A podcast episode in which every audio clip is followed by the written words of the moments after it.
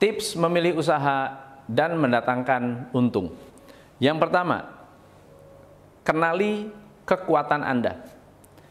Orang yang berbisnis bisa jadi punya banyak kekuatan. Pertama, kekuatan Anda satu, misalnya Anda memang jagonya jualan. Maka bisnis apa yang cocok untuk Anda? Bisnis yang marginnya tinggi dan Anda menjadi maklarnya. Oke? Yang kedua adalah orang yang senang produksi.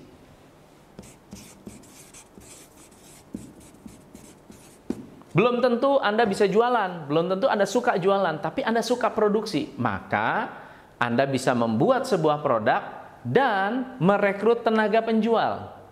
Jadi bisnisnya apa? Anda yang lebih tahu.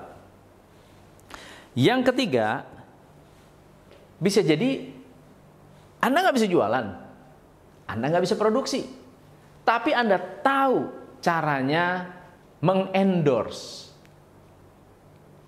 Saya nggak bisa jualan, saya nggak bisa produksi, tapi kalau saya endorse, saya orang percaya saya. Ini endorse. Bisnis juga nggak? Bisnis juga, teman-teman. Bisnis juga. Nah, di antara tiga ini mana yang Anda kuat? Ya. Yang keempat, saya endorse nggak percaya. Tapi kalau saya bikin, kalau ada orang yang punya bisnis, punya produk, saya bisa memanage. Anda mungkin jago mengelola. Nah, silahkan. Anda nggak perlu menjadi pengusaha, tapi jadi pengelola usaha.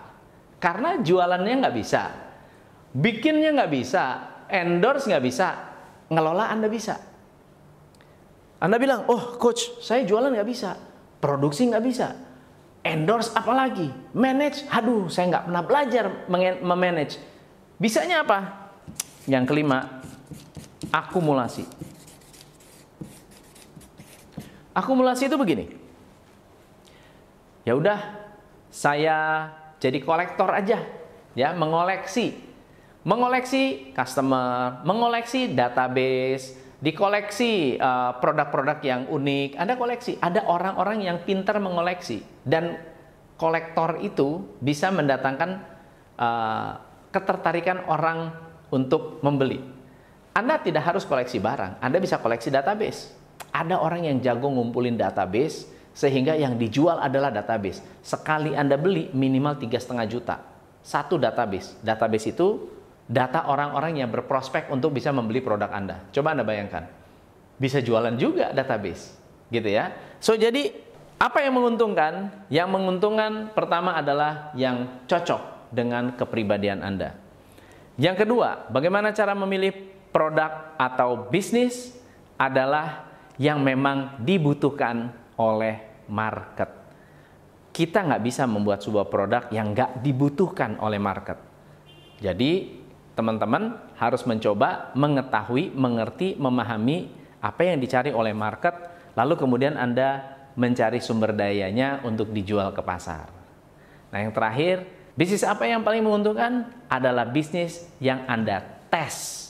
Kalau Anda hanya punya ide, tidak diuji di pasar, tidak dites, tidak dicoba, bisnis itu akan angan-angan. Harus dicoba. Semoga bermanfaat. Saya Tom MC Fle, salam pencerahan. Hanya di Coach Indonesia.